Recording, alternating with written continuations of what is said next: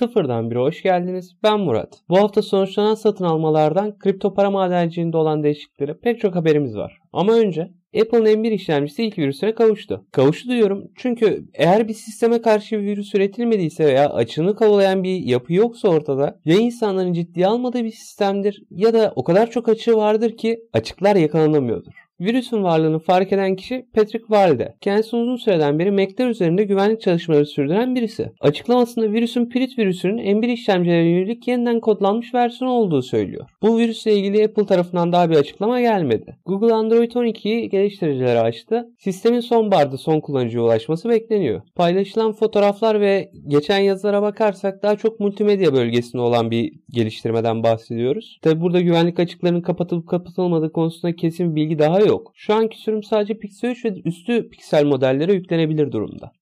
Tabi zaman içerisinde diğer firmaların modellerine göre de versiyonlar çıkacaktır. Intel kısa bir süre içerisinde Crysis Remastered ile birlikte CPU'larını bundle halinde satışa sunacak. Başlı başına bir haber. Ama haberimize konu olan bu işlemciler içerisindeki bir tanesi. Bu yeni bir işlemci en azından eski bir işlemcinin yenilenmiş versiyonu. Bu işlemci 10900KS. Farkındayım yıl sonundan önce 11 serisi satışa çıkacak. Ama bu işlemcinin dikkat çeken kısmı ya da dikkat çekmesine sebep olan kısım aynı kod uzantısına sahip 9900KS serisinin normal 9900'e göre temel hızının daha yüksek olması. Burada 10900K'nın daha yüksek versiyonunu görüyor olabiliriz. Tabi önemli bir nokta şu anda sadece bir listeleme var elimizde ama işlemcinin çıkıp çıkmayacağı ya da özellikleri konusunda kesin bir bilgi yok. Diğer taraftan Pat Gelsinger geçtiğimiz hafta Intel CEO'su olarak görevine başladı ve Intel çalışanlarının tamamına gönderdiği bir mesaj ortaya çıktı. Mesajı kısaca özetlemek gerekirse Gelsinger, Intel'in eskisi gibi en iyi mühendislerin çalışmak istediği tek şirket haline gelmesi için çalışacağız ve bulunduğumuz her kategori kategoride lider konuma geleceğiz dedi. Geçtiğimiz birkaç senedir söylediğimiz şimdi Intel düşünsün sözü şimdi AMD düşünsüne mi dönüyor acaba? Nvidia'nın ARM'ı satın alması yılan hikayesine dönmüş durumda. Daha evvelden Çin'in bu satışa taş koymaya çalışacağından bahsetmiştim. Şimdi ise aralarında Microsoft, Qualcomm ve Google'un bulunduğu bir grup firma ki farkındaysanız teknoloji piyasanın en büyükleri listesinde bulunan firmalardan bahsediyoruz. Bu satışı engellemek için lobi faaliyeti içine girdikleri söyleniyor. Bu satış olur mu yoksa olmaz mı emin değilim. Sonuçta firmalar kendi aralarında anlaştılar ama ülke izinlerine bakıyor. Ama görünen o ki olup olmayacağı uzun bir süre tartışılacak. Bir süredir son kullanıcıların ekran kartlarına ulaşmasına engel olan etkenlerden bir tanesi kripto para madenciliği. Konuda Nvidia bir adım atmış gibi ama açıkçası pek olumlu bir sonuç elde edebileceklerine inanmıyorum. İlk olarak adımdan bahsedelim. RTX 3060 kartlarının sürücülerinde madencilik için kullanılan algoritmanın kullanıldığı fark edilmesi durumunda kartın gücünü yarı yarıya düşüren bir kod eklenmiş. Neden başarılı olması pek olası değil kısmına gelirsek kripto para madenciliğiyle profesyonel seviyede uğraşan firmaların bünyesinde zaten bu kartlara BIOS seviyesine müdahale edebilecek kişiler var. Olmayanların elinde ise ki bunlar çok az sayıda kalanlar bunu yapabilecek maddi güç var. Ve adımdan bahsettiğimde sürücü seviyesinden bahsettim. BIOS seviyesinden bahsetmedim. Sürücü seviyesinde değişiklik yapmak çok daha kolaydır. Ve bu engel değişiklik yapılmış sürücülerle bypass edilebilir. He, başka bir açıdan bakarsak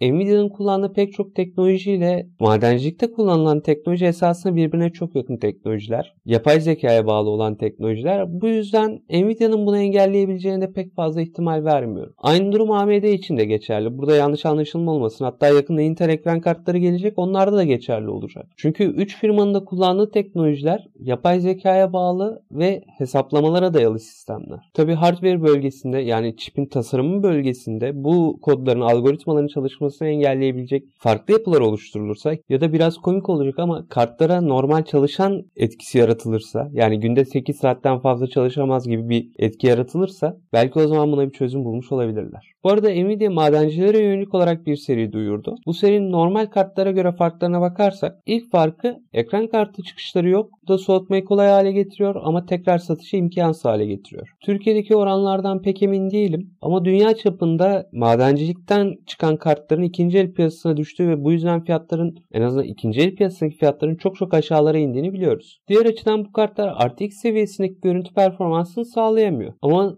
gerekli olan hesaplamaları yapabiliyorlar. Bu da Nvidia'nın elindeki stokları tüketmesi için iyi bir fırsat. Bu arada kartlar underclock dediğimiz daha düşük hızlarda çalışmaya ayarlanmış kartlar. Bu da çalışma ömürlerinin daha uzun seviyeye getiriyor. Ki bunu örnek olarak server işlemcilerini gösterebiliriz. Şu anda normal olarak ev kullanıcısı için 4-5 GHz aralığı standart hız bölgesinde. Ama server piyasasında standart işlemci hızı 2-3 GHz aralığında dolaşıyor. Ve son olarak bu kartlar daha az güce ihtiyaç duyuyorlar. Bu iki habere bakınca ekran kartı piyasasında bir atlama olacak mı diye bakarsak kısa dönem için e, RTX 3060'lara özellikle bakarsak bir atlama olur. Ama uzun döneme bakarsak pek olacağını zannetmiyorum. Sonuçta kripto para bölgesinde oldukça büyük karlardan bahsediyoruz ve son kullanıcının oyun oynamasına bakarak ya da film izlemesine bakarak firmaların bu karlardan vazgeçeceğine pek inanasım yok. Ki mantık da zaten böyle bir şey kabul etmez. Şimdi firmanın adını doğru telaffuz ediyor muyum emin değilim. Ama Amerikalı Syndicator Capital adlı firma ilginç bir eleman arama duyurusu yaptı. İlginç diyorum çünkü başvuruda aranan kriterler listesinde Wall Street Best'te en azından bir seneden beri aktif kullanıcı olma şartı var. Ve bunun yanında 1000 Reddit Goodwill puanına sahip olma şartı var. Yorumcular tarafından şirketin tahmini amacı ise bir sonraki MIM hisse senedini bulmak diye yorumlandı. Galiba şirketler canı sıkılan bir grup insanın nelere sebep olabileceğini fark ettiler diyeceğim ama pek inanasım gelmiyor. Electronic Arts'ın Codemasters'ı satın alması sonuçlandı. Satışın değeri 1.2 milyar dolar. Bu satış eski oyunları nasıl etkiler pek emin değilim ama Electronic Arts'ın oyunlarının Xbox'ın Game Pass'ine katılmasından sonra Codemasters'ın bazı oyunlarını Xbox Game Pass'te görebiliriz. TürkNet'in Birleşik Arap Emirlikleri merkezli ortağı Gulf Capital elinde bulundurduğu TürkNet'in %70'ine denk gelen hisseleri TürkNet'in kurucusu konumunda olan Çelebiler ailesine devrettiğini BTK'ya bildirdi. Tabi bu devrin gerçekleşmesi için rekabet kuruluna onay bekleniyor. Açıkçası son dönemde Türkiye ve Birleşik Arap Emirlikleri arasında yaşanan sürtüşmelerden dolayı bu onayın çıkması pek uzun sürmez gibime geliyor. Bir süre evvel Teksaslı bir avukatın kedi filtresiyle Zoom üzerinden görülen bir davaya katılması haberi olay olmuştu. Şimdi bu olayı izlemeyen kaldı mı pek emin değilim. Olayın ilginç olan yanı ise her ne kadar Zoom kendi filtrelerine sahip olsa bile videoda görünen tarzda bir filtreye sahip değil. Ve bu noktada kedi nereden çıktı diye aranırken suçlu bulundu. Hem de biraz eskilerden bir suçlu. The Avatar Creator.